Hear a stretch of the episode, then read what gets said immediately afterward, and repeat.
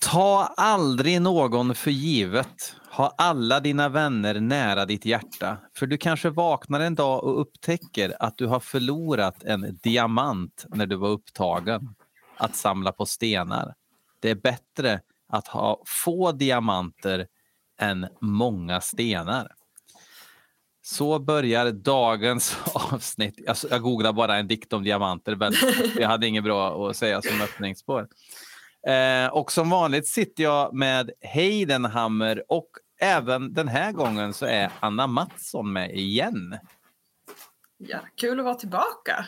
Vad kul att du vill vara tillbaka och eh, det här kommer ju bli grymt ju. Yes, jag hoppas det. Hur är det med er? Jo då, det är bara bra med mig. Det är sådär mycket som det alltid är i maj på något sätt. Mm. Men Jo tack. Annars Jag är det hade bara bra. hade någon vansinnig vision eller idé om att maj skulle vara en ganska lugn månad men helvete vad så inte har visat sig vara fallet. Så jag har nog haft en, en jobbsta, ja ni hör ju själv, tyngsta jobbdagen hittills i år och så sov jag två timmar i natt. Men, Nej, fy fan. ja, men jag tänker det inget piggar upp som Dirty Diamonds.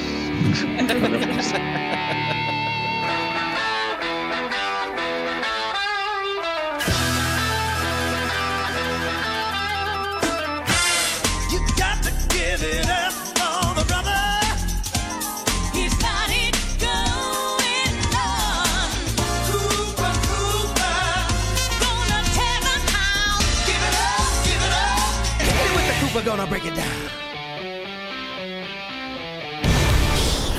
Nej. Jag skulle ju ha hoppat fram några album så jag hade fått prata om kaffein, kaffein då. Ja, sant, så sant. Det är ju det här eh, som lärare så är det ju en spännande tid nu. Det ska sättas betyg eh, och eh, alla elever är ju inte så intresserade av betyg. Men det är ju jag, så att då får man liksom jaga många med blåslampor för att få dem att prestera tillräckligt. Liksom. Ja, jag jobbar Ah. också inom skolan och vi har det här lilla problemet att hela vår skolbyggnad håller på att eh, sjunka i Uppsala-leran. Så vi har precis fått veta att vi inte har någon skola de sex sista dagarna på terminen. Tjo! Åh herre, va? herre jävlar. Vänta, ta om det där. Vad, vad, vad, händer, vad händer? Hela skolan håller på att sjunka i Uppsala-leran. Så vi har, det är 15 centimeters diff mellan ena sidan på huset och andra sidan huset. Så det känns lite som att man jobbar på Titanic. Alltså på riktigt? Japp, Tänker du This house is haunted? Tänkte du det då? lite så. Mm. Och jag är skyddsombud i detta hus också. För, vart, i- vart i Uppsala var det den här skolan? Vart ligger den Eh, skolan? den ligger liksom, eh, ja, vad ska man säga, Årsta. Ja. eh, Mm. Så att det, det var en gymnasieskola förut som hette GUC, nu heter den Palmbladsskolan. Och jag är på liksom den delen som är eh, resursenhet då, så att vi har eh, då elever med autism som har svårt med eh, förändringar. Så att därför ska vi vara på en annan plats i sex Mm. dagar, slutet på terminen innan sommarlovet. Men Gud gud, vad bra! Ett stort lycka till från oss här Ja. på, eh, i Coopers klass. Jag kommer lyssna på Skolsalt väldigt högt efter skolavslutningen. Ja, alltså vi ska ju nu alltså snacka om eh, Dirty Diamonds släppt 4 juli 2005 internationellt. 2 augusti i eh, Amerikas förenta stater. Vänta, mm. släpptes den tidigare i Europa än i USA? Internationellt till och med. Så att eh, jänkarna fick vänta lite. Eh, oklart varför. Varför? Ja, jättekonstigt faktiskt. I en månad liksom. Ibland kan det ju diffa på någon dag, men en hel månad. Ja, Ja, det är, knas, det är jävla knas. Och liksom 2005 tänker jag, då var det liksom problem med att folk liksom laddade ner olagligt. Vill man inte att folk ska ladda ner någonting olagligt, då ska man nog släppa det samtidigt överallt i alla fall. Mm. Det Ja, kan det vara en grej. Konstigt. Ja. Det är ju som att be om, ladda ner den på Napster olagligt istället för att köpa den, för då får du den en månad tidigare. Ja, jag körde ju dubbelt, ladda ner och köpte. Eh, eftersom man ju ville ha skivan. Eh, såklart. Ja. Ja. inte just den här ville jag faktiskt inte ha när den kom. Eh, men eh, Top Independent Albums hamnar den på nummer 17. Eh, och på Billboard hamnar, den på 169, vilket var det bästa sen eh, The Last Temptation 11 år tidigare. Ehm, Så den här sålde alltså bättre än Brutal Planet. Det hade jag inte trott. Det beror väl kanske på vad konkurrensen var också, gissar jag. Skivor Ja. såldes väl betydligt sämre 2005 än vad de gjorde 99. Ja, jag kan också tänka mig målgruppen. Liksom. Alice liksom, kanske drar mer en äldre publik som fortfarande köpte skivor Mm. Ja, det är ju så. än liksom, kanske mycket annat som släpptes då, tänker jag. Ja, Det är väldigt sant. Ehm, ja, spännande. Um, det här är ja, personliga relationer då. Ja, ja, som sagt så liksom var Ice of Alice Cooper en av de första som jag fastnade för när jag började lyssna på Alice. Uh, och den här var väl egentligen den som var den senast släppta när jag liksom fastnade riktigt för Alice. Så det här är mer så här... uh, alltså det känns mer som mm, låtar som var naturligt i setlistan på den tiden jag började lyssna på Alice och liksom på dem. Ja, men så här, live från Montreux som jag lyssnade på om och om och om igen. Och sånt där. Och, så det känns som låtar som har typ blivit klassiker för mig för att de har alltid funnits där så länge jag har lyssnat på Alice. Så det är vissa låtar här som jag så här, när jag började gräva djupare i katalogen, jaha, den här är bara så här två år gammal. typ. Mm.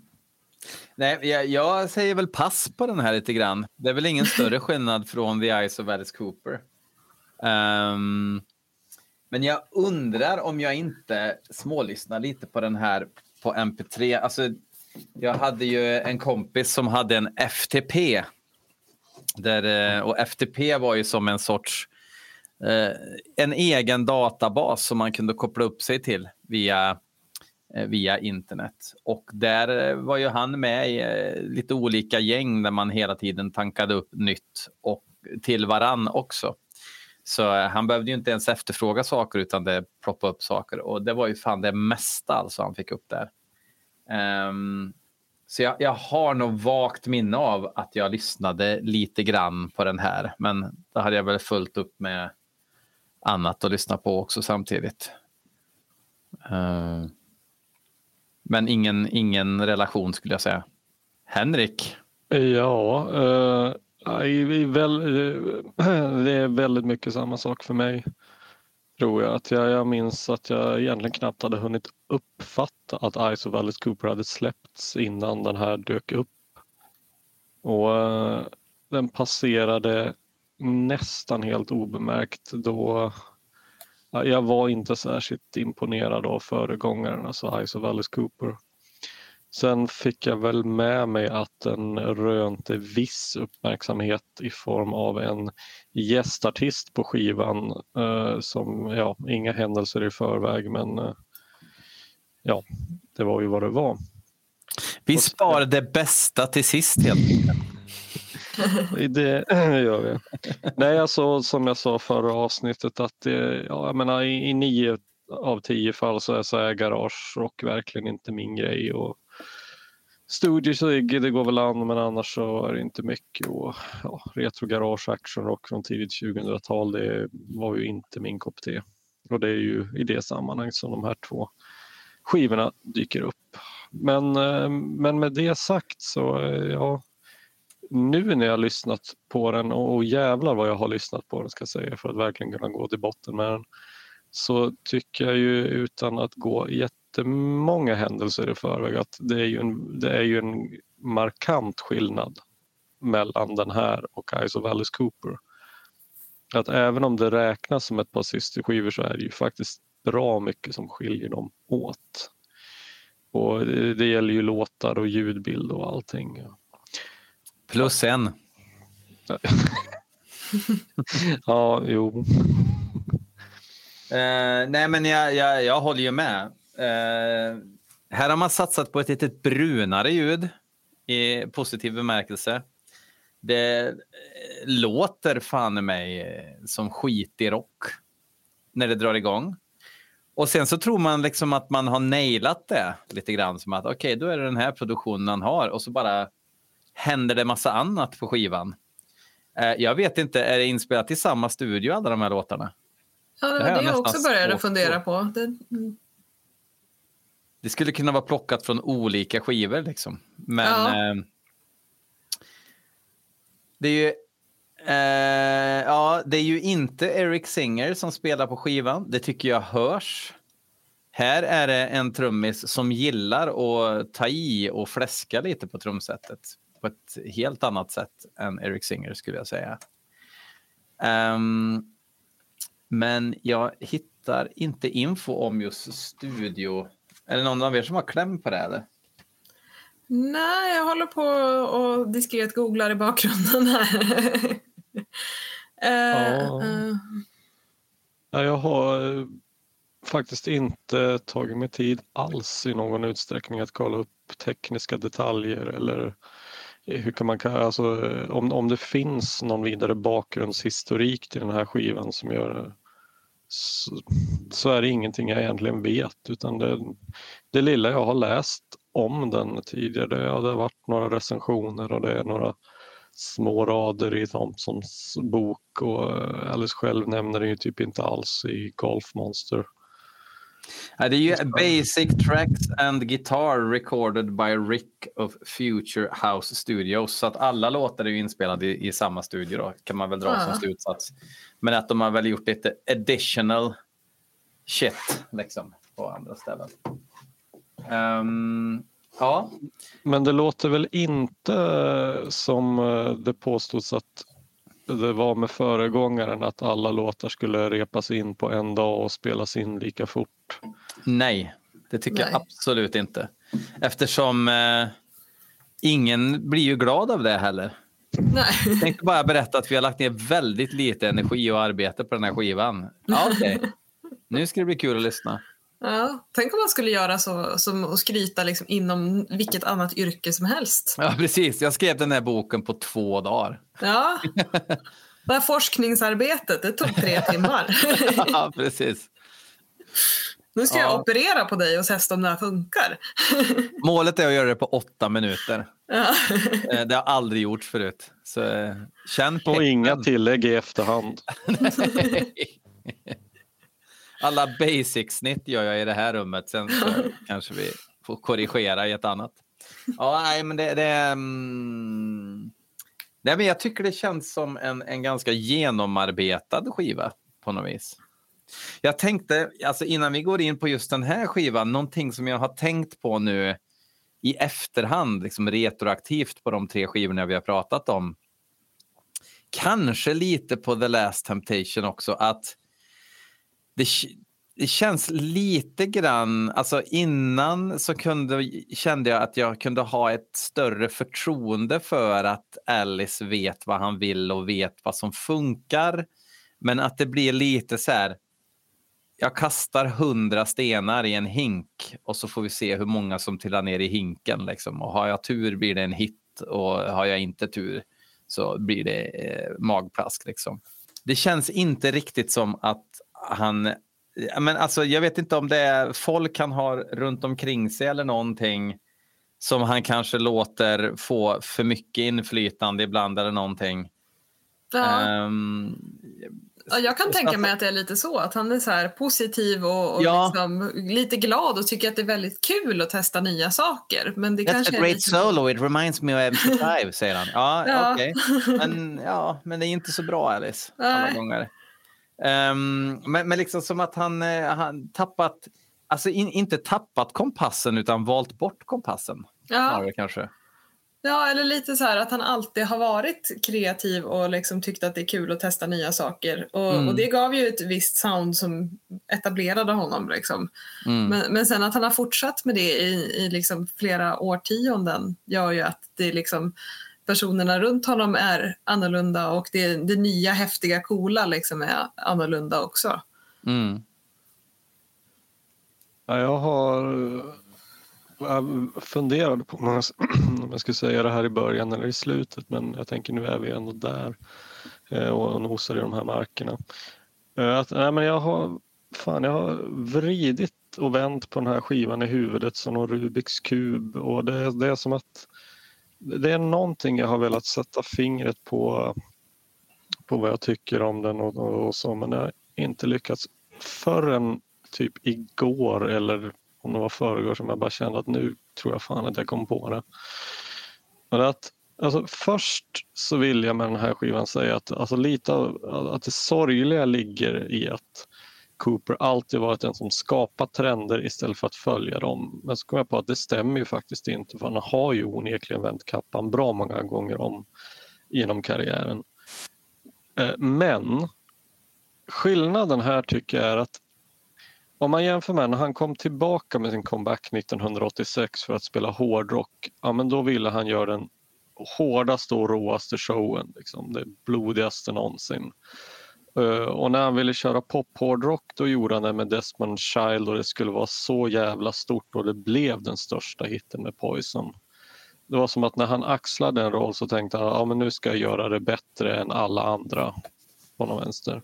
Mm. Och så är det som att eh, 2000-talet medförde någonting i sammanhanget ganska trist. att När han ville köra Marilyn Manson inspirerad lite grann hårdrock med Brutal Planet då kändes det ju plötsligt inte ledande längre. Och jag Nej. tycker att det är lite samma sak med den här korta eran fast tristare. att han har hoppat på en garagerockstrend men utan att göra det hårdaste och råaste och liksom lyfta det ett steg högre. Och det blir lite som med Blackout-eran då han började med New Wave utan, fast utan att vara grymmast. Men skillnaden gentemot den är ju att Blackout-eran lyckades ju med tiden att bli mystisk och kultig för den var så, så udda. Mm. Men Mm. det kan man väl inte riktigt säga om något bortom år 2000 än tror jag. Nej, Nej. det kan man definitivt inte säga. Eh, ja, men det ligger någonting i det, liksom, att eh, satsa på att bli liksom bäst i sitt skrå. Eller bara, nu ska jag köra den här kostymen eh, och så tar jag med, no offense till Ryan Roxy och gänget som jag Ja. vet du håller kära, men, men det är ju, det kanske inte är de ledande liksom, artisterna Nej. som man jobbar med. Men det var ju Ehm, inte Kane Roberts heller tänker jag. Nej, i och för sig, det var han ju inte. Men, men jag undrar också lite grann att är det, är det en monetär uppbackning som saknas? Alltså vad, vad hade det här kunnat bli om något bolag med rejäla eh, pengar i kassan hade velat investera i det? Hade man sett, hade det smält hårdare tro? Är det de dyraste garagerockskivorna som är de bästa? Nej, alltså jag tänker att pengar är ju sällan det som gör de bästa skivorna. Om man liksom kollar vilka som har världens dyraste skivor att spela in så är det ju ofta de som har floppat för banden. Liksom. Mm. Nej, alltså jag tänker inte nödvändigtvis att, att pengar behöver eh, betyda att det blir bättre, men större. Ja, jag, jag, jag vet inte. Det är bara någonting känns i det här. Jag ville sett honom i en större kostym eller en kanske dyrare eller någonting sånt. Något Mm. med en diamantstrasslad sådan. Blodsdiamantstrasslad. Mm. Ja, det, jag vet inte, ska vi kasta oss in i, i låtarna? För det är ju några stycken att gå igenom. Det är det. Eh, det är ett helt gäng. Vi, vi kan väl helt enkelt, without further ado, Woman of Mass Distraction.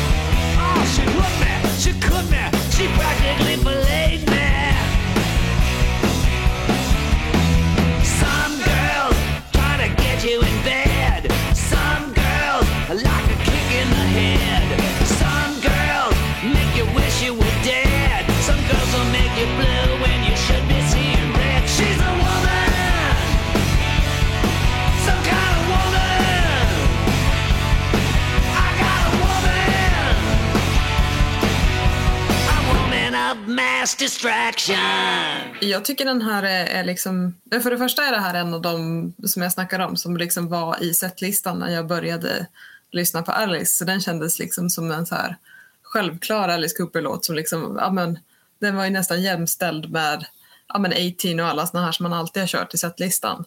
Mm. Eh, så att, eh, den är en sån där som verkligen har fastnat hos mig. Jag tycker ändå den på något sätt representerar plattan ganska bra. Den har ju lite det här garagiga, svängiga Ryan Roxy-gitarrerna. Liksom. Men ändå är lite hårdare och tuffare än mycket på det på Ice of Alice Cooper. Tycker jag i alla fall. Mm. Nej, men jag, jag, tycker också att det här är en, en bra låt. Jag tycker, jag, jag tycker det är kul att det finns ett riff som man faktiskt kommer ihåg sen. Alltså, det är inte bara jam, utan det är ett som ju är ett rätt bra riff. Liksom. Och, ehm, Nej, men alltså, den, den, den är välskriven, låten. Det, det händer. Det finns många olika partier i den. En eh, kul baktaktsbrygga och eh, bra driv. Ehm, lite forcerat skitigt ljud. Eh, Kanske främst med sången, tycker jag. Som det är Mm. lite så här... Det känns inte som en snygg dist, utan det känns som att man har lagt på dist för att det ska vara lite skitigare. Så där. Men det, det låter jag passera ändå. Henrik? Ja, nej men eh, det, det är ju återigen garagerock men jag gillar det här draget mycket bättre än det på föregången. Jag tycker det är bättre arrangemang och det är roligare instrumenthantering. Det är en hyfsat fyndig text, eh, och, ja, åtminstone låttitel. Men det är inte riktigt min musik så det är inget jag riktigt går igång på. Jag tycker den kanske gärna hade fått vara lite kortare. Att hade den varit 2.30 hade jag tyckt det var ännu bättre. Mm. Men eh, vad fan, det är bra för vad det är. Lite så Livewire-känsla på introt också. Ja, ja faktiskt. Ja. Dun, dun, dun, dun, dun, dun, dun, dun. Och lite Angus Young-ackord. Ehm, ja. Var vi klara där redan? Ja, sammanfattar det väl ganska bra.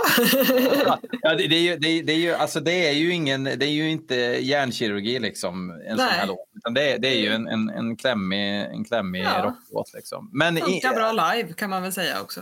Ja, och anledningen till att den funkar bra även för mig är ju liksom att det är inte bara ett eh, massa jam liksom som inte leder någonstans utan Mm. det, det är en struktur som, som, som funkar. Då hoppar vi till låt två som heter Perfect. She's an overnight sensation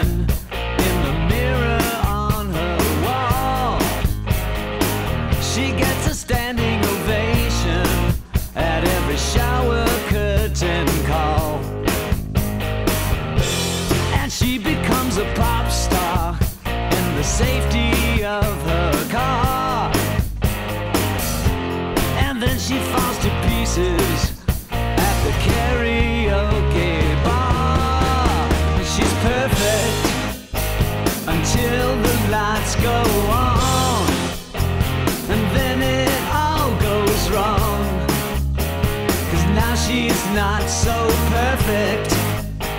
Ja, där tycker jag det- är mest texten som liksom fastnar åt mig. Jag tycker den är otroligt rolig. Jag vet inte riktigt om det är någonting som Alice brukar...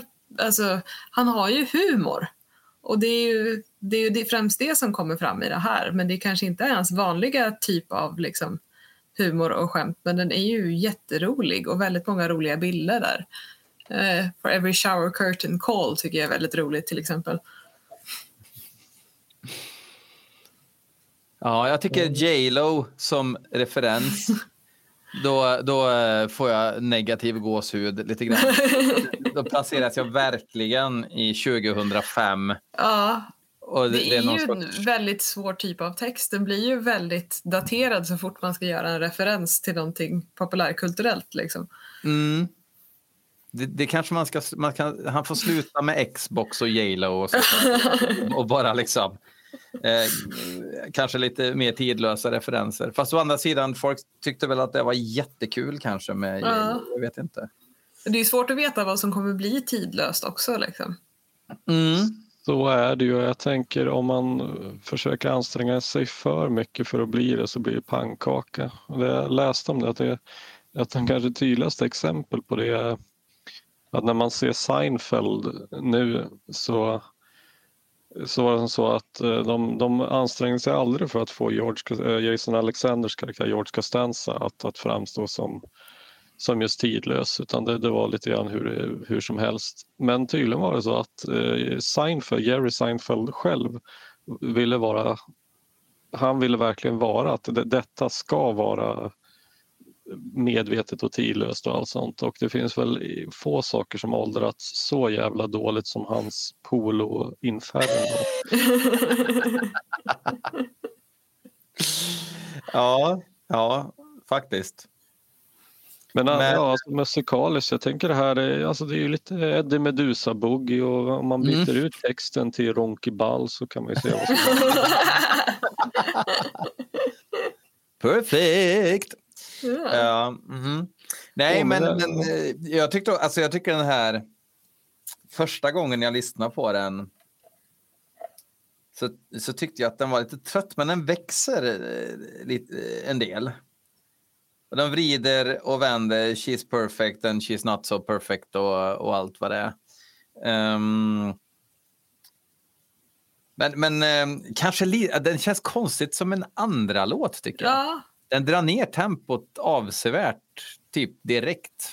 ja, det är ju faktiskt ganska udda. Det har jag inte tänkt på förut. Men det är som du säger, den borde ju vara mer typ fyra, fem. Men Ja, däremot, det det känns ändå tycker jag som att han, han, han, han eh, det är liksom liv i alltså, allt ifrån musiken till sången. Alltså det, det, Ja. känns, det känns inte forcerat. Ehm, den känns övertygande på så vis tycker jag. Ehm, men, ja, men det är också en så här helt okej låt. Henrik, jag tror inte du har sagt vad du tycker om låten va? Nej men alltså den, eh, det är en bra låt men det är inte riktigt mitt stuk. Eh, Nej. Tyckte också att den påminner lite grann om en ganska obskyr låt av Urchin som heter She's a Roller och Urchin det var Adrian Smiths gamla pubband innan han var med i Iron Maiden. Jag vet inte varför jag känner mig överhuvudtaget nödgad att ta upp det här men ja, så var det i alla fall. Eh, Ja, jag alla våra referenser. Ja. Eh, Och ja, men eh, texten okej, den, den blir väl kanske lite daterad men den är bra skriven, är rätt cynisk och kul och sådär. Men eh, alltså, jag tänkte precis säga att det, jag håller med Anna här om att det kanske inte är någonting som Alice eh, skulle normalt skulle göra men fan, skulle han inte kunna skrivit, skrivit någonting sånt här liknande på, på tidigt 70 ändå? Ja, kanske. Ja, den här låten känns ju väldigt mer liksom old school Alice än kanske Woman of Mass Distraction som Mm. inte skulle kunna ha gjorts då.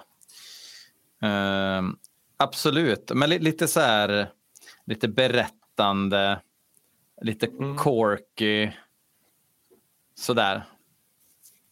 Mm. Jag, jag ska säga att jag gillar ju verkligen att han har eh, här, ly, eh, textmässigt sett så tycker jag det är en otrolig uppryckning att han gått tillbaka till en mycket högre utsträckning att berätta historier för det tycker Mm. jag har saknats i ganska hög utsträckning på, på eh, några av de tidigare, alltså albumen som kom den, strax dessförinnan. Trots att det dessutom skulle vara konceptskivor och, och sådär Mm. så här är ju faktiskt, alltså det här är ju en berättelse. Det här är ju en Mm. bra berättat av honom också. Ja. Ja, det är ju just de här tydliga bilderna tycker jag är, är så Mm. härligt. Liksom. Man ser det ju framför sig, liksom, hur hon eh, liksom inte klarar av att sjunga på karaokebaren men står liksom och sjunger i duschen. Och så här. Mm. Ja, det känns ju igen. Ja. Vi har alla varit där. You make me wanna.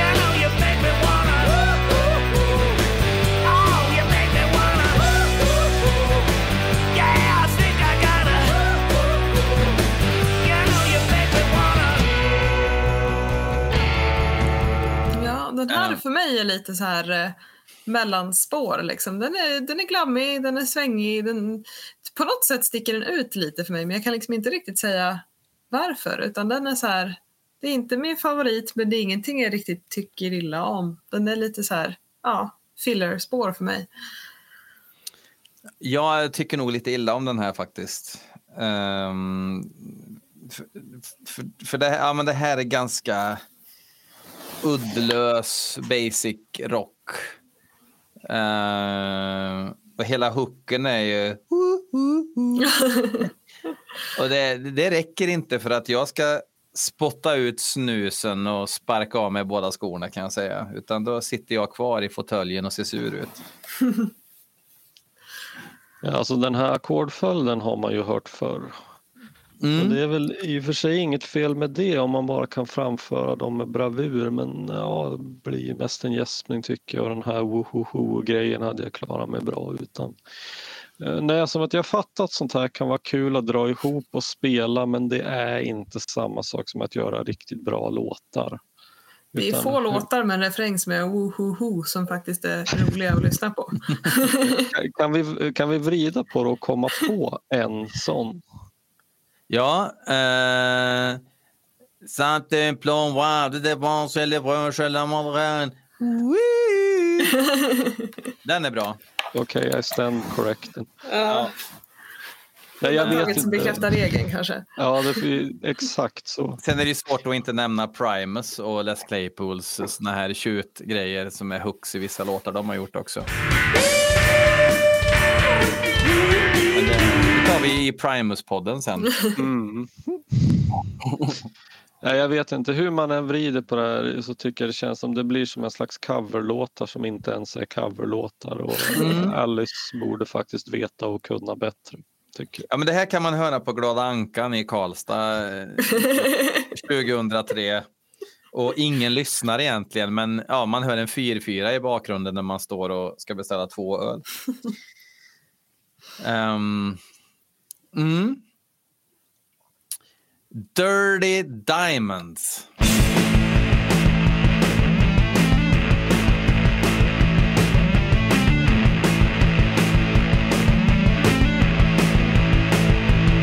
Oh, it looks so good, your perfect plan.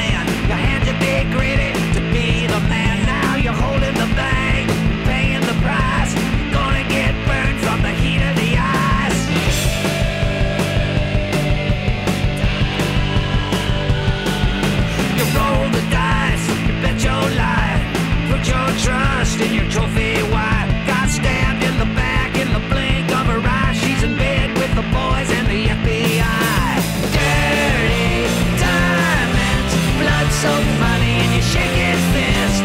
Dirty diamonds, stone cold killers and you're on their list. Ja, men den här tycker jag liksom har blivit en Alice-klassiker, kanske inte bara för mig, utan den har ju hängt kvar i setlistan live ganska länge. Jag tror inte den är med längre, men den hängde ju med bra långt in på 2010-talet i alla fall.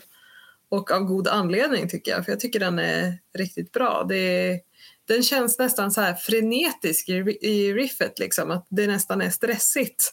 Det är som att någon typ blir jagad i en film och ska efter de här diamanterna. Liksom. Så att, eh, nej, jag gillar den. Jo men vad fan, här brakar det ju igång på riktigt. Och så, det är ett lite udda, coolt litet flöjtintro som väl egentligen inte har någonting med resten av låten att göra. Men så lite halvkopia på Paranoid men det är åtminstone bra gjort. Liksom.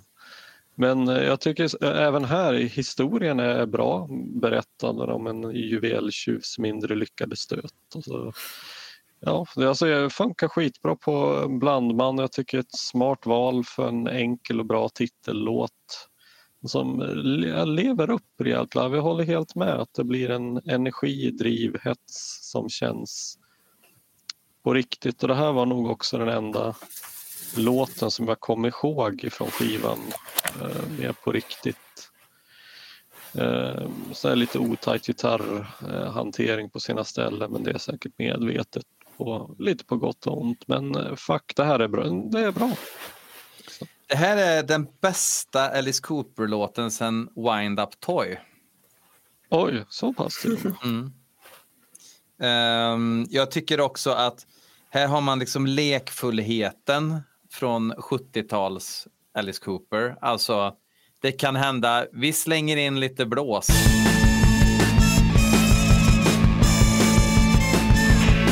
Vi slänger in lite det här. Det här känns som ett... Det här är nog första gången på länge också som det känns som att ett band som har arbetat tillsammans och, och varit med och producerat lite liksom, och kommit med idéer. Den är dramatisk. Eh, den är Queens of the Stone Age i gitarren. Det är extremt mycket i det här eh, ledriffet. Um, det, här- men det här, jag tycker den här låten är jättebra. Ja men verkligen. Den funkar ju svinbra live. Ja, de borde ta tillbaka den tycker jag. Ja, men det, så, här, så här nära klassisk Alice Cooper eh, har han ju inte varit på länge om det inte har varit någon sorts cembalo-ballad liksom. Eller något sånt där. Jo, men det, eh, och den liksom gifter sig så bra med de här äldre liksom, i setlistan också. Den har ju legat ganska ofta tillsammans med Billion Dollar Babies. Liksom, att han har kastat Mm. ut de här sedlarna och sen har han kastat ut diamanthalsband till den här. Liksom, och de har ju nästan blivit som syskonlåtar i setlistan och det funkar ju perfekt. Det, eh, självklart. Och, och sen också, det känns som det är, väl, det är ju det här han ska hålla på med. Lite tok och, och lite filmiskt och lite dramatiskt, en historia. Samtidigt som det liksom är bra rock liksom som grund. Inget jävla ho-ho och grejer. Det är ju det här han ska göra. Han är ju inte en gammal garagerockare utan det är ju det här han är. Och det blir så Men, tydligt men, att han är det. Men är inte det här garage då? Eller? Nej, det tycker jag inte. Du får inte in... Vad har du för garage om du får in en hel blåsorkester? Du bor i Detroit Ja, som ja. Alice. Ja, i och det, och det är ju Motor City. Ja. Där har de ju skitstora garage. Jag tänkte inte på det. Ja, men det, det, det skiner upp eh, på många sätt och vis. Eh, Bara så här eh, en, i, i förbifarten. Omslaget på skivan. Är det bra eller då? Vad, vad säger vi om det här egentligen? Alltså jag har så svårt att säga om jag tycker om det eller inte. Jag har suttit och funderat på det nu och jag tror att det här var nog skitcoolt 2005. Mm. Men jag vet inte om det är det fortfarande. Nej, jag, jag, jag, det, är, det är också två skivor på raken med muttrar som ögon. GV. ja, Alltså. Eh, Nej, men, nej, men det, är, alltså, man- alltså, det är ju kanske här, att, att ögonen i fokus två skivor. Ja. Ja. det är ju också lite... Ja, ja. lite... Och, eh, alltså den här ramen. Jag vet inte vad jag tycker om den. Nej. Ehm, jag, jag får sån här nästan lite 90-talsvibbar också. Ja, Så här, eh, ja, jag vet inte ens vad det är. Trouble tänker jag på. Ehm, deras, eh, när de börjar spela Stoner. lite duket på själva loggan. ja. Det känns som att han hade kunnat göra mycket snyggare grejer på temat Dirty Diamonds. Liksom. Mm. Ja, men ja, fan det är nog det jag känner. Alltså, omslaget till Hey Stupid borde väl ha varit omslaget till Dirty Diamonds. Mm. Lite så faktiskt. Eller bara alltså, någonting... Glitter och glam och Ja. färg och liksom. Ja, eller bara något så här enkelt att det står Dirty Diamonds i liksom diamanter och så är det typ blodfläckar på dem. Ja, eller det, någonting. ja, jo, det. Eh, För övrigt bara jag, har ni också tänkt på hur sinnessjukt politiskt inkorrekt bordspelet Den försvunna diamanten är nu för tiden? Ja. Ja, ja, det, är, det, är, det är extremt... ehm, Spelas en del på mitt jobb och jag har också kommit fram. Att Solunus som europé åka och sno diamanter i Sierra Leone och, även och tävla med andra europeer om det. Det är lite fadd eftersmak helt klart. Ja. Och, eh, jag, har ju, jag har ju mina timmar under bältet om man säger så. På eh, Försvunna Diamant. Eh, The Saga of Jesse Jane.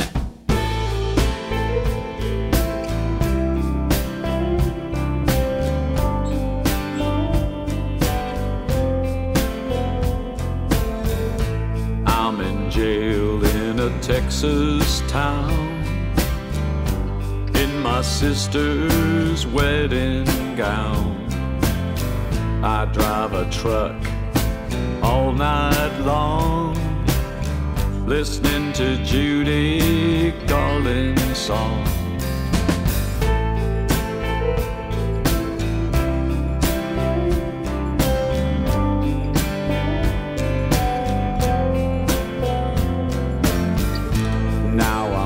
Behind bars of steel. I was just looking for a happy meal. I parked my rig and I went inside. They've never seen such a pretty bride. Jesse, Jane,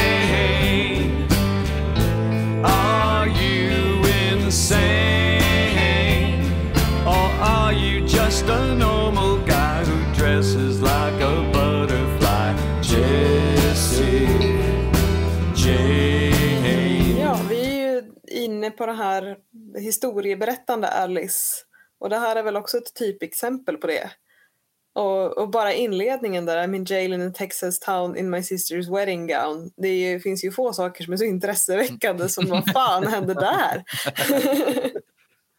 Ja, ja, SD rasar såklart. Men det, så, det må väl så vara. ja, tänk om han ska läsa sagor för barn nu. Ja, precis. precis. Det är lite Texas, det är lite så här salonig musik också. Ja, en Ehm, fantastisk sånginsats av, av Alice. absolut. Men vad vad fan är det jag tänker på? Vad är förlagan till den här musiken? Så är inte det Johnny Cash-aktigt. Jo, lite faktiskt. Det tycker Det är jag. lite Ja. för poppigt tycker jag för Ja. att vara Johnny Cash-stuket. Ja men okej, om Lee Hazelwood skulle jag säga. Ja, ja Lee, Lee Hazelwood minus eh, flummet. Liksom, eh, vad heter det? Ja, men så jag, jag tänker att Lee Hazelwood gjorde ju massor av, eh, av vanlig country Mm. också. Och typ första skivan Trouble is a lonesome town, så en av mina favoritskivor ska sägas också. Ja, och han har ju, han har ju inte gjort eh, direkt någon usel skiva som jag har hört än i alla fall. Jag har inte hört alla för han har ju släppt fler skivor än eh, vad jag har lediga minuter i mitt liv. Men absolut, lite Hazelwood-aktigt är det. Eh, Men den här kunde de ju ha skitat till sången lite på istället. Alltså fått den att Ja. låta lite mer lo-fi faktiskt. För att limma lite mer med det här trasiga, eh, dekadenta liksom, innehållet i texten. Ja, ja men det är ju verkligen alltså, en av de kli- mest klina sånginsatserna av Alice liksom, Mm. på någon skiva. Så att det hade ju absolut kunnat bli lite mer dirty diamonds. Definitivt. Äh. Definitivt. Jag Eh, kan, jag kan inte Mm. låta bli ändå att tänka lite grann på att jag tycker det finns så mycket, det finns väldigt mycket potential i de här låtarna och jag kan inte låta bli att fundera över hur det här hade kunnat vara med alltså Esrin som producent och en, Mm. alltså en rejäl Mm. fet jävla budget och massor med tid till experimenterande och grejer. Jag, jag tror att det, jag tycker det är lite, det känns lite mer som låtidé, alltså lite demo för produktioner. Som hade kunnat blomma ut mer. Jag tror det Mm. det.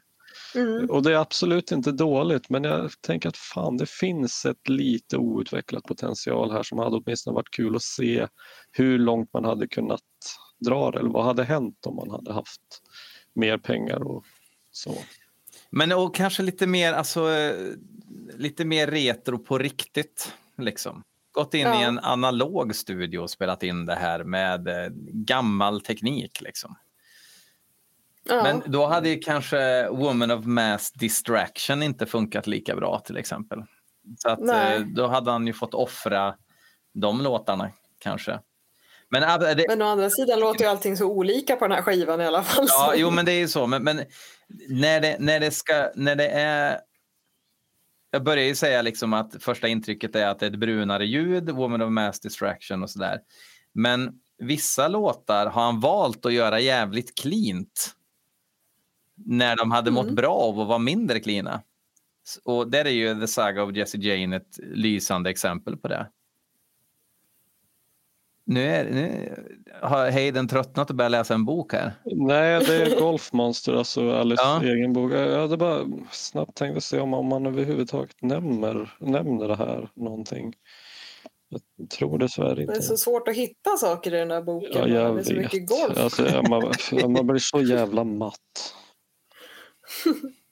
Ja, det- Den är jättebra i sina delar men typ ja, 30 procent av boken är det som är kul. ja, jo, precis så. Jag vet, det kanske är fantastiskt om man spelar golf själv. Jag, antar Ja. det. Eller något. Men det gör man Det är ju inte. jättebra tips. Nej, det gör man fan inte. Nej.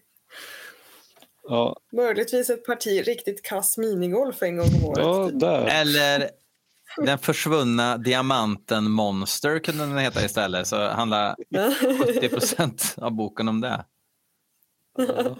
Nej, jag tror faktiskt inte han, han nämner inte det här. Alltså han, jag, jag såg det, Last Temptation och Trash flimra förbi men eh, Ja, men när kom den där ut egentligen? För den är inte jättemycket senare än, än Dirty Diamonds va? nej, den är väl någonstans där. Jag ska kolla. 2008, 2009 Ja, jag någonting får kanske? också för mig det. Det tog lång stund innan jag fick tag i den. 2007. Men jag tänkte bara att, Ja. Ja, men jag tänkte att kanske just, eh, just därför att, eh, att eh, skivan Ja. var så färsk att det, det var ju då den senaste han faktiskt hade gjort. Att det brukar ju Ja. kunna föranleda att man åtminstone nämner en, någonting kanske. Men, Mm. ja, ska I vi have gå my best album in the catalog. Oh, Mm. Ehm, ja, men The Saga of Jesse, ja, men, men jag, tycker, jag, tycker den är, jag tycker den är en jävligt eh, kul låt. Ehm, men lite grann samma som Perfect, att, att någonstans så kände jag att, att eh, han tappar potentialen lite i refrängen. Men eh, jag tycker att den växer eh, ju mer man lyssnar på den också. Så att jag, jag, jag gillar Ja. den här låten. Ehm, Sunset Babies, All Got Rabies. sound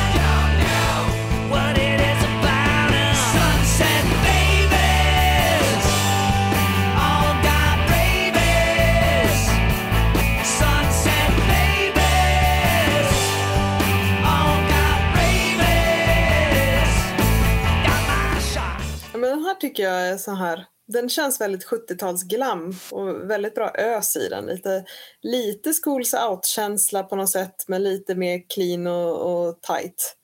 Den är, den är kul tycker jag.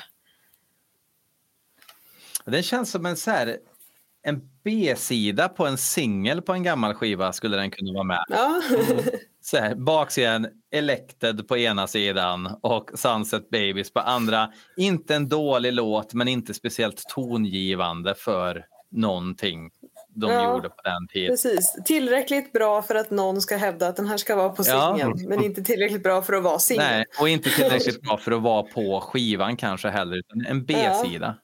Och så ska ju någon vara jävligt märkvärdig och mena att det här är ju den bästa låten. Vad fan fick inte den vara med på fullängden för? Jo, precis. Ehm, men Men i, min, ja. i min fascistiska stat så blir inte de människorna ett problem.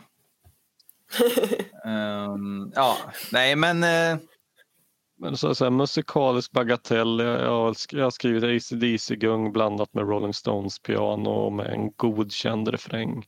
Ja, ganska god- kul refräng, ja. och, och det är fan inte så jävla illa om man ska spela garagerock och få till en godkänd refräng.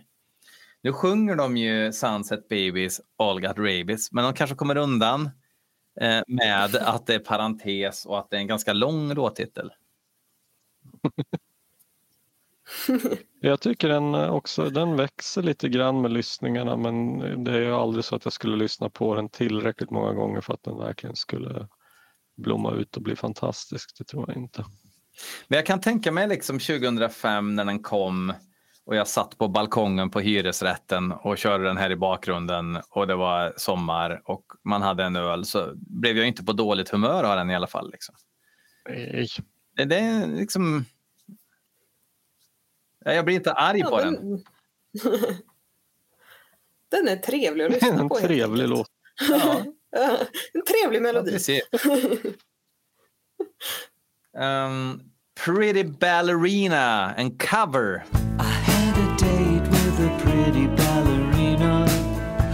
Her so brilliant that it hurt my eyes.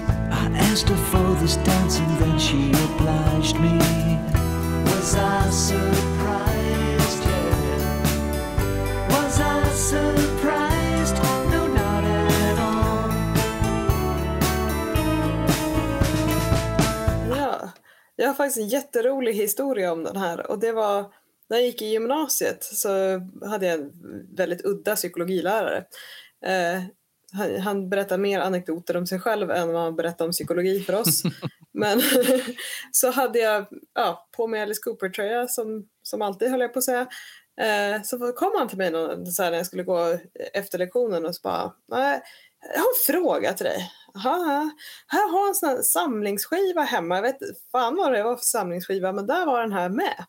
Med Alice Cooper. Och hans stora fråga var ju då, gör han sånt här? Det här känner inte, det här låter inte som Alice Cooper tyckte han då, för han hade väl hört typ Schools Out to Poison. Ja. Så, jag, ja. Men alltså så, så jag fick hålla, en samlingsskiva med, med Alice Coopers version av Pretty Ballerina. ja, högst oklart. Jag vet inte vad det var.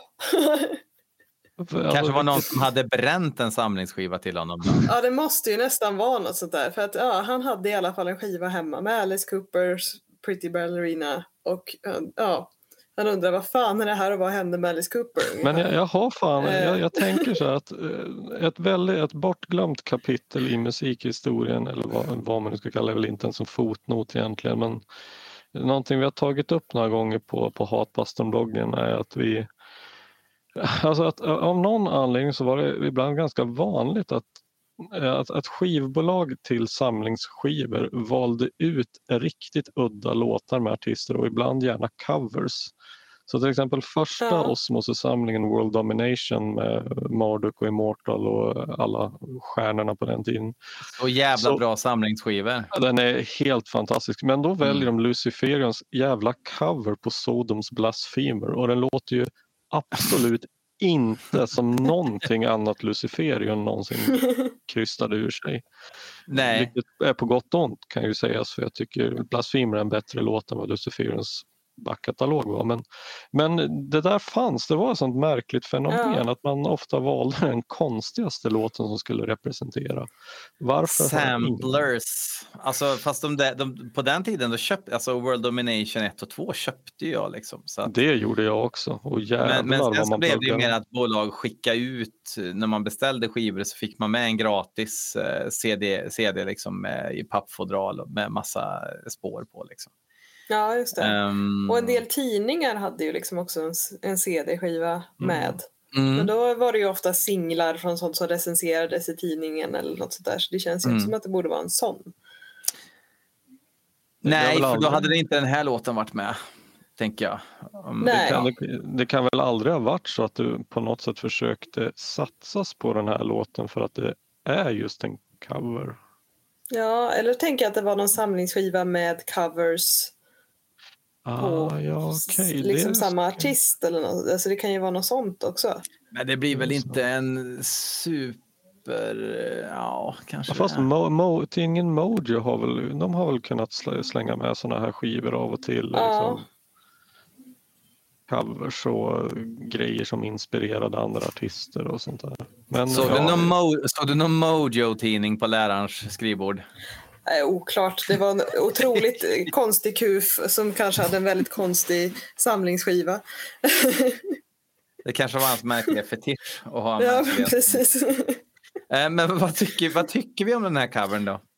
alltså på något sätt smälter den ju in väldigt bra. Det tog mig många år innan jag visste att det var en cover för den känns lite så här unsettling som mycket Alice-ballader gör. Och jag tycker den, den funkar rätt bra. Det, på något sätt känns det lite tårta på tårta med den och Saga of Jessie Jane. De känns lite Mm. som de går ihop på något sätt. The same beast lite grann. där. Ja, Mm. Men är det någon som, jag har inte eh, hört originalet. Eh, vad, vad är det för låt egentligen då? Vet vi något om den? Eh, jag har hört originalet eh, för att jag känner igen den svinmycket och det är inte från eh, Alice Cooper. Det är Michael Brown som har skrivit låten. Och ah, vilka, vilka band var det han var med i då? Ja, det är ju ja, det är från hans egen solokarriär då. Walk Away, Renee, Pretty Ballerina hade han som någon sorts singel. Ehm, Vilka, är det 60-tal eller 5 eller vad, vad, vilken, när är det ifrån? eh, det är ifrån 60-talet, ja. 67. ja. Så it, it makes sense då kanske att, eh, att de har valt det. Jag tycker man hör på låten också att det är en 60-tals lite ha- haschigare 60-talspop. Jag, för, för, jag vet inte vilken gång i raden som märker att jag, jag blir inte klok på vad jag egentligen tycker om det här. Eh, någon anledning så tänker jag lite på när Typo Negative smög in en massa halvt opassande låtar på skivorna men ändå fick det att funka. Och jag vet Mm. inte om jag riktigt tycker att det fungerar här eller om det... Men det är inte dåligt heller. Det, det är ju bra för vad det är men spretigt i alla fall. Mm. Ja, jag, jag, jag, tycker det funkar. Alltså det, det, det, det, det, är, ju, det är ju liksom en, en bra låt från början tycker jag. Men trots att jag inte kommer ihåg hur originalet lät så känns det som att han kanske inte har gjort så jäkla mycket med den. Nej, jag, jag håller med. Jag tror inte heller jag har hört originalet men det känns inte som att den behövdes speciellt mycket för att alicifieras. Om det nu är ett ord. Det är det. Det är det. det, är det. Eh, från och med nu är det det. Mm. Ehm, run down the devil. It's 12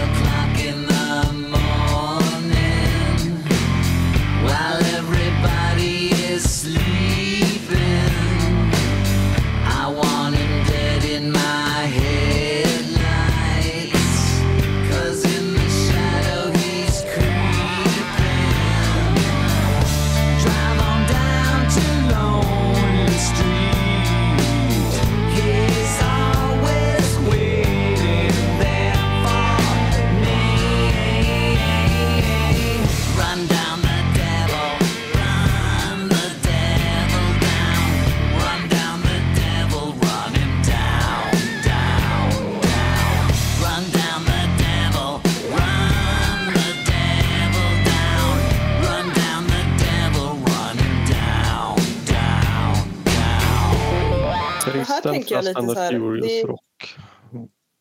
Ja, Va, vad sa du Henrik? Kristen Fast and the Furious Rock med pseudo-grunge-inslag. Som handlar om att köra över självaste Satan.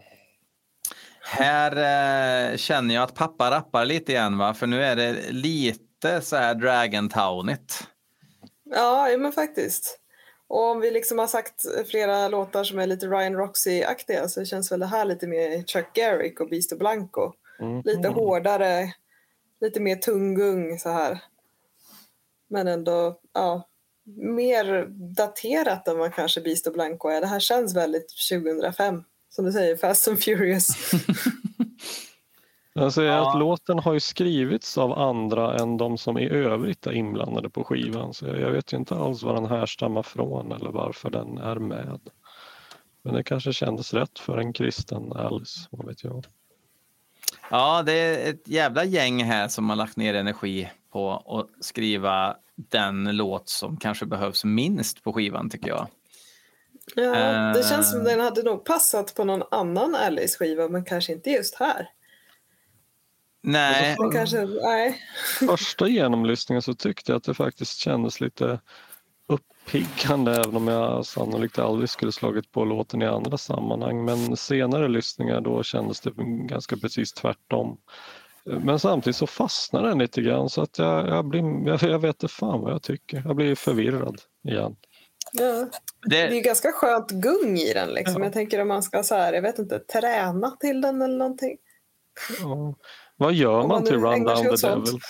För att det, det känns ju inte liksom som att jag vill bränna iväg en 220 nu är för, förvisso automatväxlad då, men ändå. jag tänker att man frostar av frysen eller någonting. Eh, nå- någon sån här aktivitet. Eh, man in- Hänga tvätt. Ja, ja, men någonting som ändå kräver ens uppmärksamhet lite. Eh, Ja. nej, alltså, ja. Nej, men alltså det är som ni säger också, den, den, den sätter ju sig. eh, Det är liksom tydlig refräng och sådär, men ja. Jag vet inte. Ska vi- ska jag- vi bara jag det är lite hoppa synd. men jag tycker han tappar bollen lite här för att han han, det händer så mycket roligt på A-sidan och så kommer Run Down the Devil och så känner jag att ah, nu, det är första låten på B-sidan det här. Nu, nu tappar vi det lite känner jag, tänkte jag då. Man kan flytta nålen. Mm. Ja, precis. Ja, men för att det här tycker jag låter ju definitivt som ja, men, något sånt där överblivet spår som hade kunnat kunna komma med på en typ Life and Crimes box nummer två. Alltså Mm. låtar som bara aldrig fick vara med, alltså som inte passar någonstans. Och jag menar det är ju ganska gott om låtar på skivan ändå så att jag menar nog hade man väl kunnat skala lite tycker jag. Hur hade världen Ja. sett ut idag om Run Down the Devil inte var med på Dirty Diamonds? Det vågar jag inte ens tänka på. Nej. Vad hade vi då frosta av frysen till? Ja, precis. precis. Det är Det det är här sista med, med, med vinddragen från en humla kan påverka hela världen. Liksom. Ja, mm. Men eh, Steal That Car.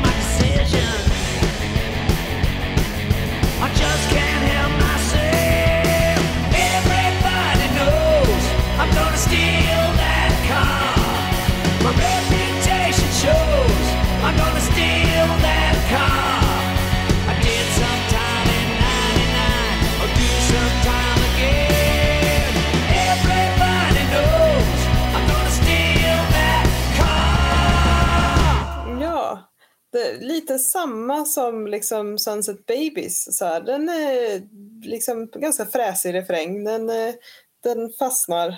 Det känns lite 70-talsglammigt sådär.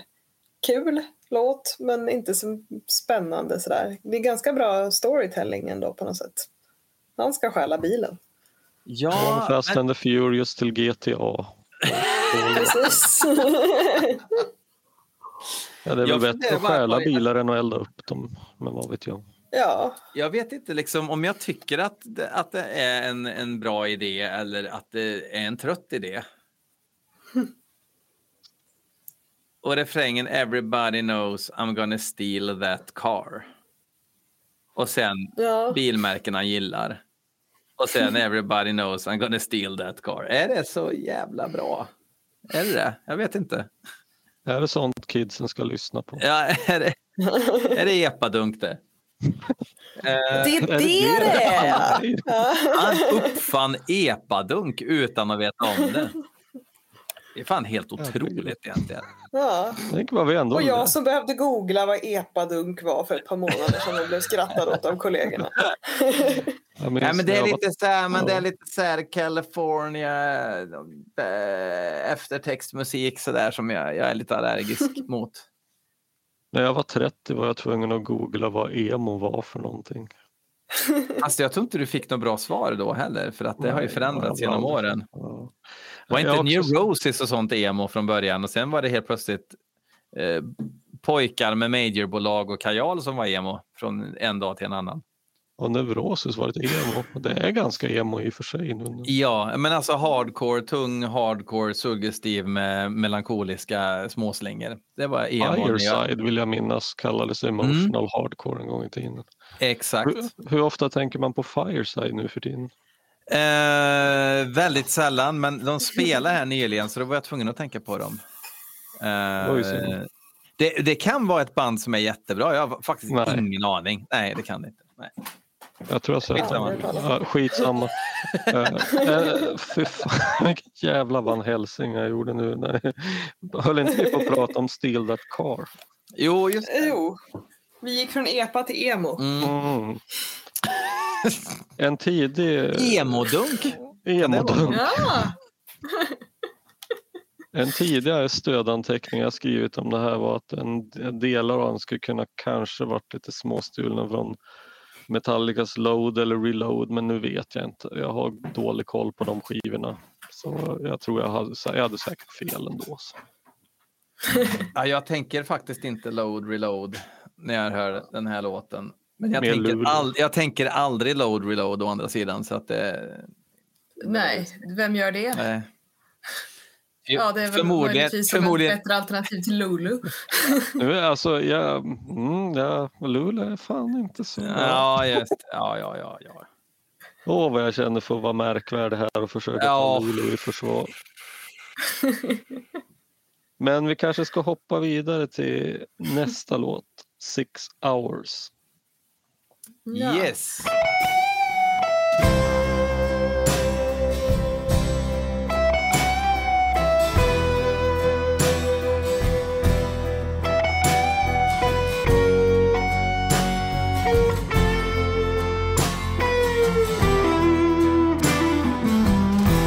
There's only six hours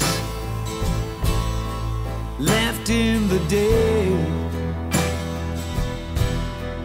Time is so precious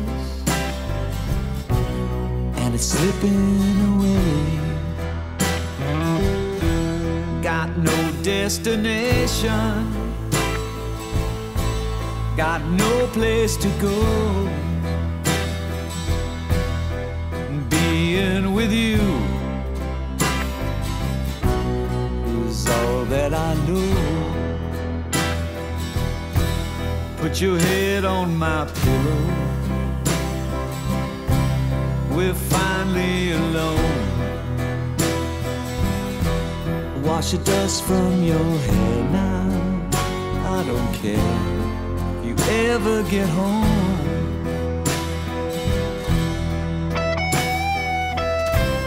Här är det jag som tycker att introt låter som någonting annat. Men jag har funderat i tre dagar vad jag tycker det låter som och det kan jag inte komma på. Men det låter som det är snott från någonting men jag vet inte vad. Den där halvtonen i gitarrslingan som är, är Ja. ett eh, klassiskt grepp. Den kanske är snodd från så många låtar att jag inte kommer på vilken det är. Så kan det ju vara. Ja, men det är som kanske att säga att man har snott ett C-ackord Ja. från en annan låt för att det var Ja, en annan precis. också lite grann. Jag tror inte att det finns. Nej, det är lite så här, har du hört den förut? Bara, ja, Det har. Ja, Ja, Senast jag Eh. hörde den här låten hette den Friday's Child och spelades in, in av Nancy Sinatra. Och det är ingen, den är inte dålig den heller men den är Nej. ganska medioker.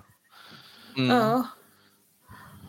Men sen funderar jag på liksom hur många andra Alice-låtar går i tretakt. Mm. Det är inte många. Jag kan inte komma på någon annan än den här. Shit, vilken fråga du ställde nu. Det är klart, Ja, det ju finnas. Hur fan rolerdexen i huvudet bara snurrar. ja. Ja, det, Ja. är, det är jävligt sällan. Sex åttondelar är ju en del och sådär. Men, och shuffle-takt. Men nej, det är nog... ja. Är det någon... Eller går den här i 6-8 också kanske? Jag vet inte. Jag är dålig på... Beror på. Ja, men ja, det här är väl tre fjärdedelar ändå. Ja, det måste vara det. ja. Det är väl sex åttondelar. Men finns det någon jävel på typ From the Inside som går i tre fjärdedelar eller hittar jag bara på nu? Det gör jag säkert. Det låter ju som ett album där det skulle kunna vara något sånt.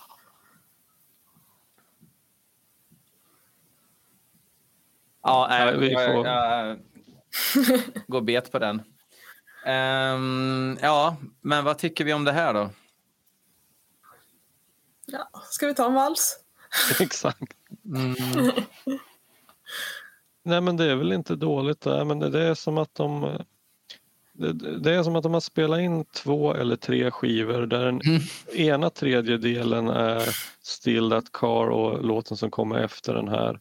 Andra hälften är ju Saga of Jesse James och Six Hours och Pretty Ballerina. Och så är det några udda fåglar som eh, har Still That Car som bara hamnar utanför allting. Och så är det som att de måste ha tänkt, ja men nu körde vi en rocker, då får vi ha en Jesse Jane och så en rocker igen Ja. och så Six Hours. Är som varannan damernas typ. Då. Ja, men den är skriven till Sandgrundsudden liksom i, i, i Karlstad, dans, eh, dansbandsplatsen. Två snabba, en långsam. Ja. Ehm, men men, ah, men det, det, det är ju liksom inte en, en, det är ju ingen dålig låt sådär, men ba, bara lite, lite... eh, Ja. Det är ju inte att man fistbangar och skriker yes varje gång den kommer upp.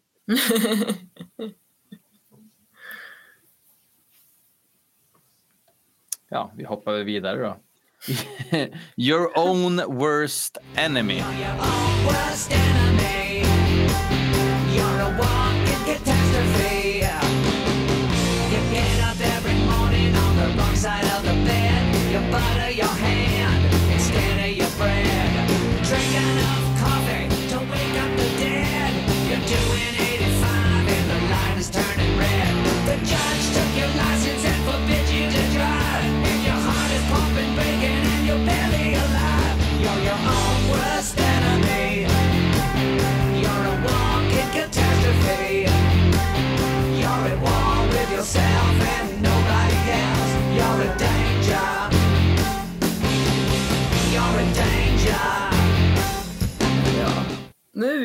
Tillbaka till, till Alice liksom humoristiska sida här, tycker jag. För det är ju en ganska kul text igen.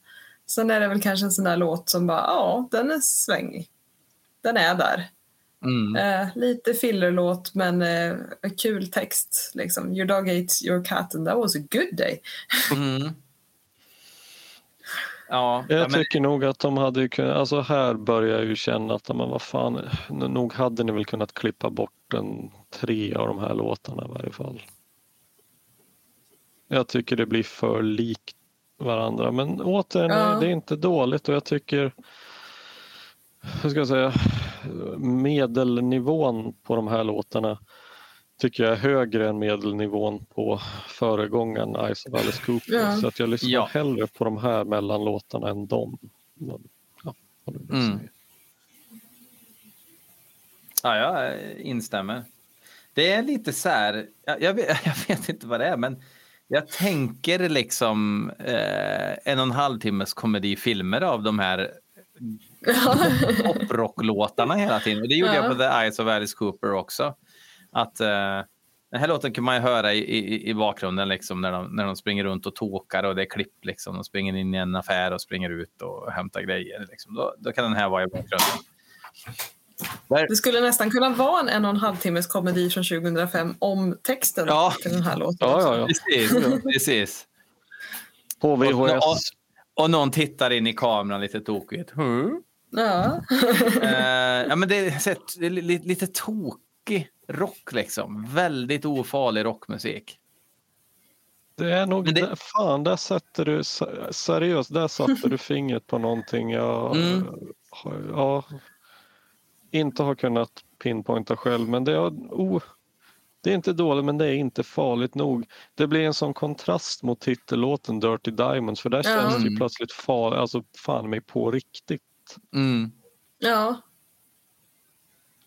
Det är liksom när, när gladpoppen liksom eh, tränger igenom rocken för mycket så att det inte blir någon... Det, det, ja, ja. Och då, då känner jag nästan att det måste vara en kontrast med texten i så fall. Alltså Mm. en glad låt om någonting blodigt eller hemskt eller Mm. någonting. Men den här är ju bara lite så här tokrolig i texten också. Mm. Zombie dance. Walking through the tombstone, go there every day. Stood stand still. I got a chill. Someone walked across my grave.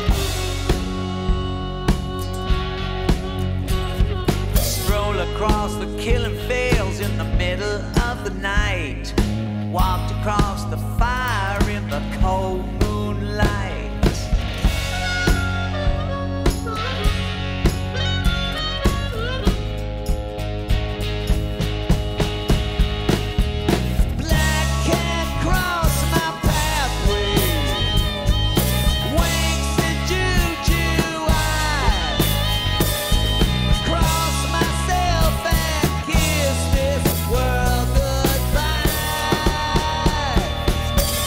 Alltså titeln får en ju att tro att nu väntar ju ett jävla liv. Men så rör det sig om återhållsam bluesrock av typ CC Top-snitt med munspel.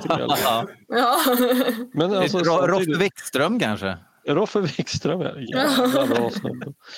Ja, Alltså, okej, det här tycker inte jag illa alls och jag tycker han hittar helt rätt där så att för mig blir det helt bara dumt att den kommer nästan sist på skivan då, Mm. för jag tycker den här förtjänade mer. Men det är konstigt att lägga den där den ligger och ja. Ja. Verkligen. Jag tycker det är, en av de, alltså det är nog den bästa balladen på skivan. Men den blir ju som du säger lite undangömd för att det är så många andra lugna låtar så att den liksom drunknar lite där. När man kommer till den här låten så bara, ha en lugn till. Mm. Lite ju- Go to Hell-vibbar får jag nästan av den också. Om, om den hade haft den Ja. produktionen skulle den kunna varit med där. Eller Ja, Goes faktiskt. to Hell, jag vet. Ja. Ja, men eh, för att jag, nej, jag, jag håller med där och jag, jag kan ju lugnt säga att hade det inte varit för den, de här genomgångarna eller genomlyssningarna inför de här avsnitten så hade jag Mm. sannolikt aldrig lyssnat på den här låten igen för jag hade bara, den hade bara glömts bort med de andra som låter ungefär likadant. Eller likadant. Ja, ja men li- lite samma för mig faktiskt. För det är så här, när jag lyssnar på det här albumet så brukar jag ofta liksom sluta innan. Mm. lite, det, ja, det händer mer grejer Det i är, första inte, halvan. det är inte ett jättebra betyg för ett helt album om, om man aldrig lyssnar. Eh, Jag har så säga OCD, att jag, jag har ju oftast skivor som eh, liksom jag måste ju lyssna hela skivan om jag har lagt den på skivtallriken. Ja. Så ä- även om jag bara den fan tar slut för nu ska jag lyssna på något annat så måste jag lyssna klart. Så att, Ja, jag tror det har att göra med att den här skaffade jag väldigt sent på vinyl. ah, okej. Mm. Eh, ja, nej, men det, det är sant. Men det här är ju ett helt annat sound än resten av skivan också. Vilket är Ja. eh, jättekonstigt. Och en Jag annan produktion liksom också. Det är mer Ja. rymd. För, för det är också någonting som jag stör mig väldigt mycket på. Även fram till idag. Nu pratar jag inte om Alice Cooper, men liksom när det ska vara Mm.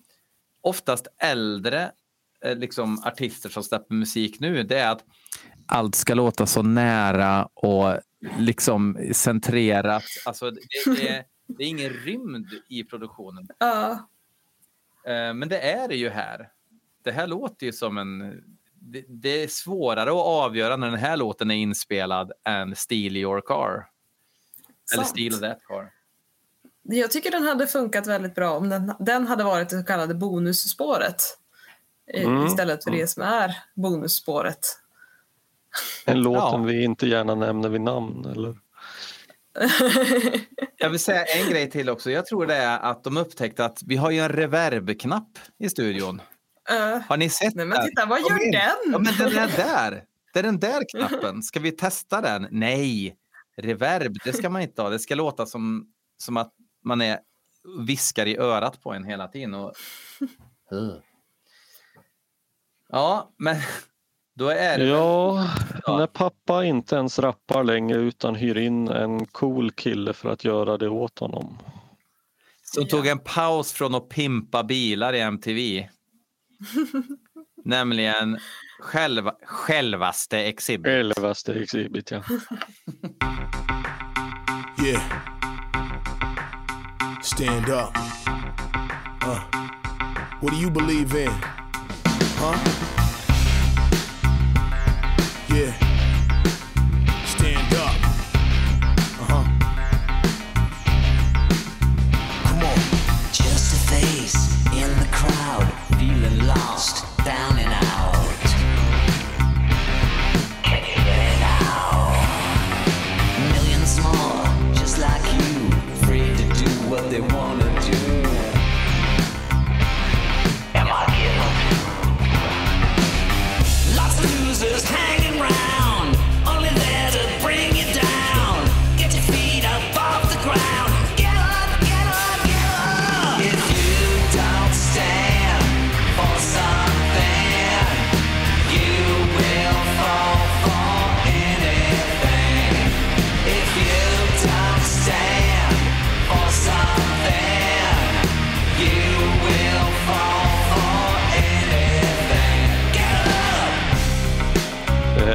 Så metal att det bara sprutar Ja. om det. Va?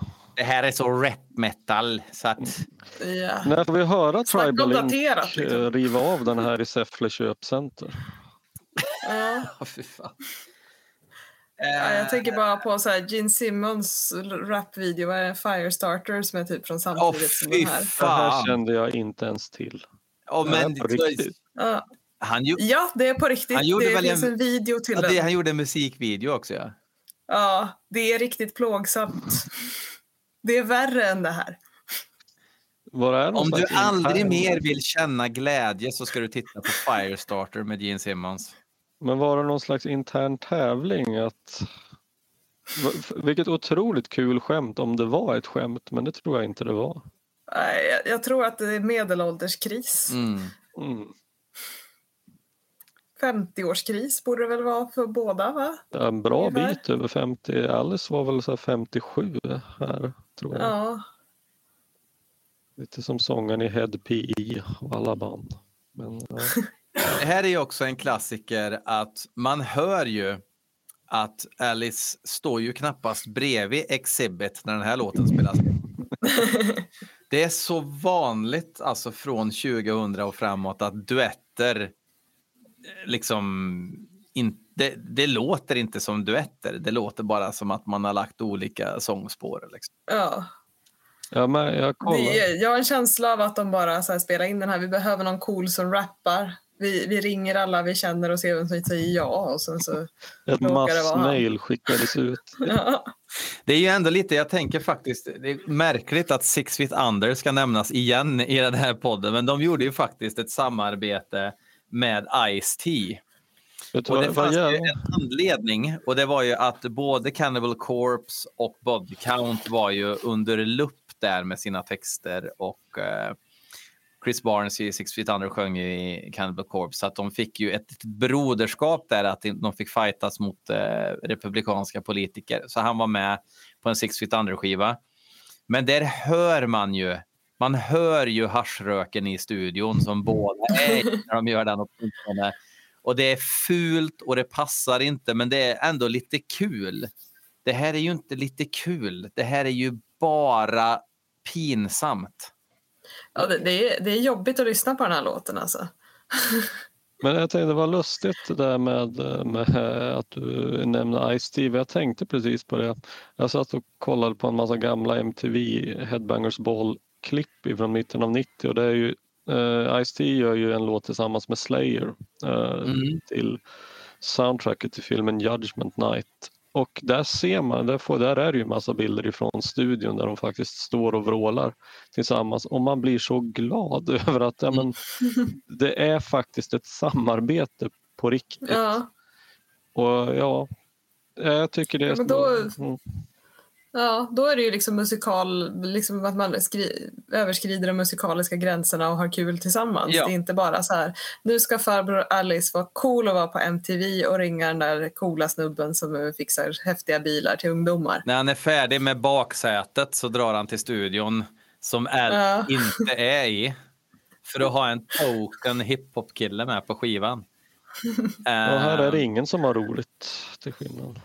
Och det här är, är ja, det, ja, men det här är väl då Linkin Park och Limp Bizkit eh, tiden också lite grann. Fast de har, ju, Ja. de har ju varit stora länge i och för sig. Så att det är ju... Ja, han är ju så sist på bollen så att eh, Ja. det finns inte. Jag kollade, Gene Simmons var faktiskt året före som han gjorde Firestarter så han har ju ett pluspoäng där att han var ju före Alice. Så Alice tänkte att nu måste jag bräcka det här. Ja, han såg videon och bara fan vad bra. Fast han bräckte ju inte Gene Simmons där får man ändå lov att säga. Nej, Eh, Gene Simmons har ändå den största skämskudden på något sätt. mm. Måste fan se det här sen. Ja, men eh, okej, alltså ja, vi är väl framme i någon slags slutsummering antar jag då. Eh, vad är vi? Det är 13 låtar senare. Det är Eller så 12. svårt ha stand som det sista i minnet när man ska Ja, betygsätta någonting överhuvudtaget. Det går ju inte att betygsätta andra saker och ha den i lurarna heller, för det, det sabbar alla omdömen man har. och det, den måste ju vara någon form av bottennapp på typ hela Alice katalog. Även om det finns sjukt bra låtar på albumet så slutar man med liksom typ det sämsta han har gjort. Ja, ja, vad skulle... Eh, Ja, jag vet inte vad som skulle kunna vara sämre än det här. Är vi fortfarande på stand? Ja. Men Vilken låt är sämre? I Alice Coopers katalog? Nej, nej precis. Nej, nej. Nej.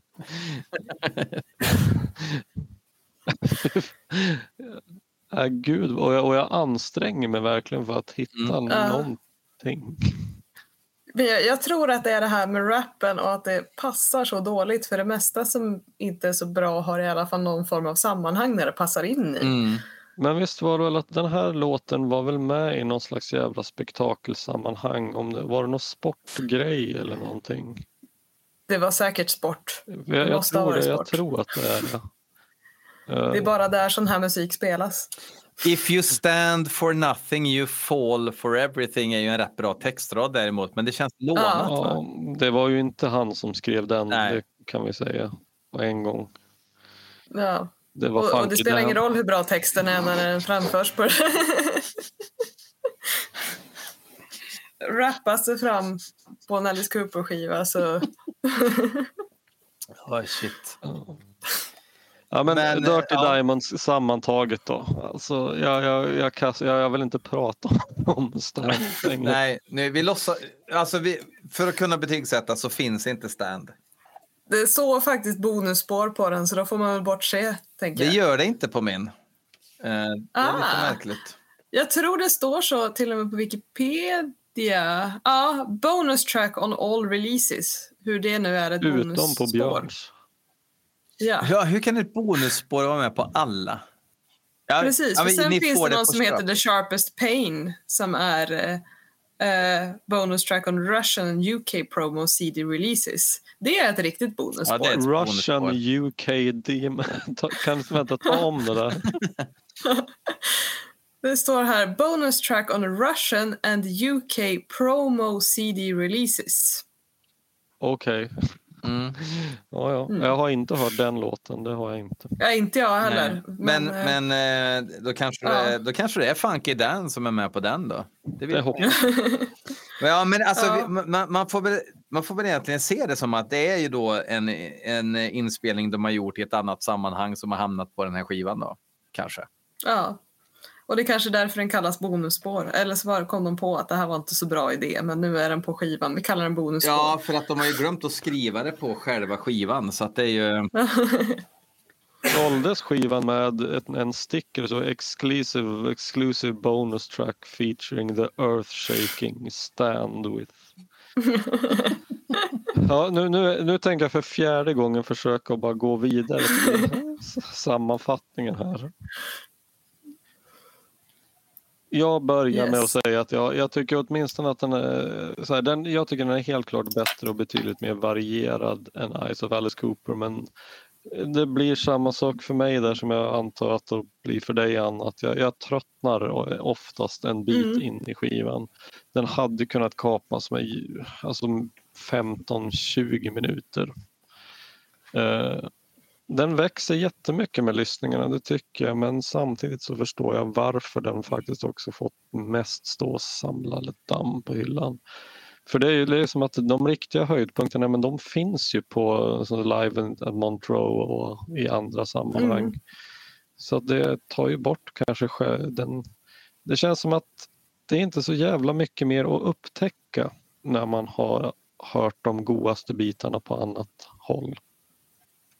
Tycker jag. När man tagit russinen ur kakan så att säga.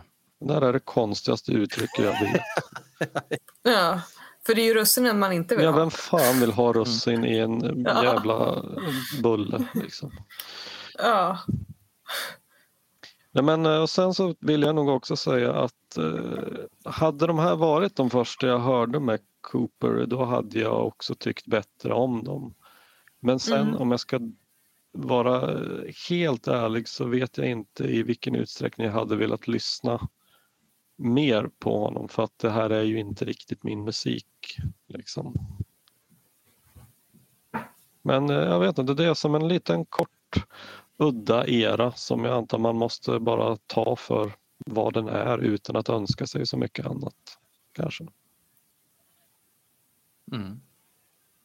Betyg då?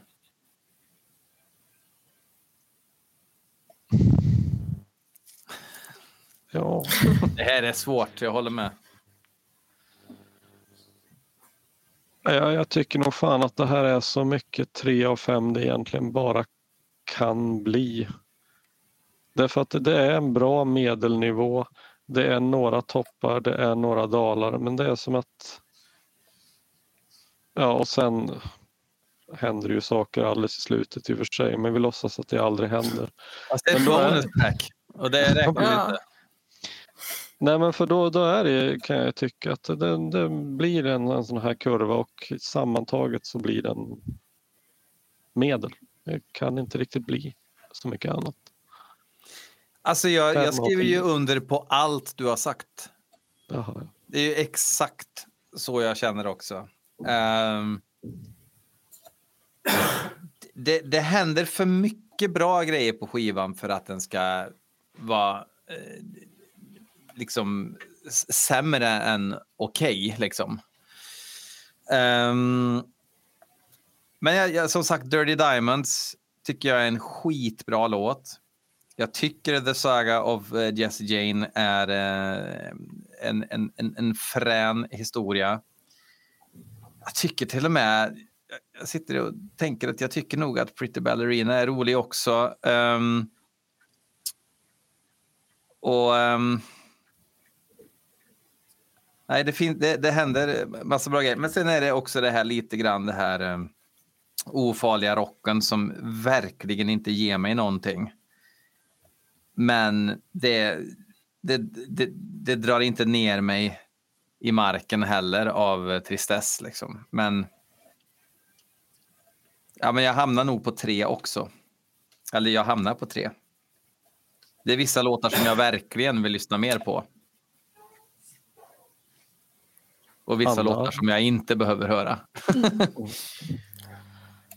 Ja, nej, men jag, jag instämmer väl till stor del med vad, vad ni har sagt. Det är, om man jämför en Nice och Alice Cooper så tycker jag att ja, det, finns, det finns fler, eller det finns starkare låtar och det finns mycket svagare låtar.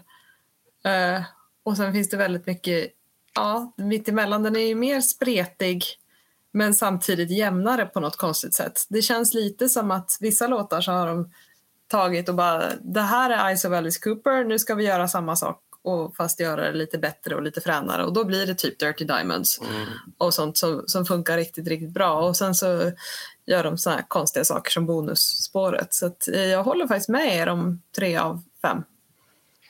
Fråga bara. Jag, jag vet att jag, jag sa det här om eh, Brutal Planet och Dragon Town också, att jag tyckte att det kändes där som att på, på ett sätt så var det som att han växte in i den Brutal Planet-karaktären mer på Dragon Town men att jag tyckte att det var som att han samtidigt ledsnade eh, så fort som han hade gjort det. Och jag känner likadant på det här att som du säger att det är Dirty Diamonds-låten är en bättre Eyes of Alice Cooper-låt. Så att när han äntligen på något vis har hittat rätt där, då är det som att då har han då känns det för mig som att han har tappat intresset, att då vill han göra någonting annat Mm. ändå, alltså att springa vidare. Mm. Men eh, jag har ju ingen aning om om så är fallet. Ja. Nej, men det är ju verkligen på, på gott och ont det här liksom, att han tar ett koncept och lever sig in i det i ett par plattor och, och liksom gör grejer med det som blir riktigt bra och sen så bara nej, nu gör vi något helt annat. Men hade man Mm. kunnat, eh, om man säger om man tar det bästa ifrån Eyes of Alice Cooper och Dirty Diamonds, hade det då blivit en riktigt bra skiva? Ja, det tror jag faktiskt. Ja, om jag själv får välja låtarna. Jo, jo. Eh, det måste vara en förutsättning. Jo, men absolut. Ja. absolut. Ja. Men Båda är ju väldigt långa skivor Mm. också. Ja, det är det. Vilket Ja, är udda för att hade- vara den här genren. Alltså, Ja, en fantastiskt EP hade det blivit. Och, Ja, jo, och men- en, eh, en bra skiva. Mm. Ja, men är vi klara där kanske? Jag tror faktiskt att vi är det. Eh, tusen tack Anna för att du var med de här två sittningarna. Ja, men jag får tacka så mycket själv. Det har varit jättekul. Det är svinkul att du var med. Att du har varit med. Jävla roligt. Vi får se här sen om du kan vara med i något annat sammanhang. Den här, den här resan är ju inte över än. Vi tar förmodligen studenten här nu om, om eh, några månader. Ser jag. Det är fyra skivor kvar har vi att gå igenom. Eh, och han har ju hotat med nya skivor i år. Så vi får se om eh, två stycken ska vara färdiginspelade så vitt jag vet. Så vi får se eh, vad det blir av dem. Ja, Ehm, sen får vi väl ha någon sorts examen här sen också där, där vi har må- många gäster i, i, i, i ett svep. Ehm, ja, men tusen tack, jättekul. ja men tack själv. Och eh, då säger vi väl som vanligt då, låt stå. Låt stå och tack för kaffet.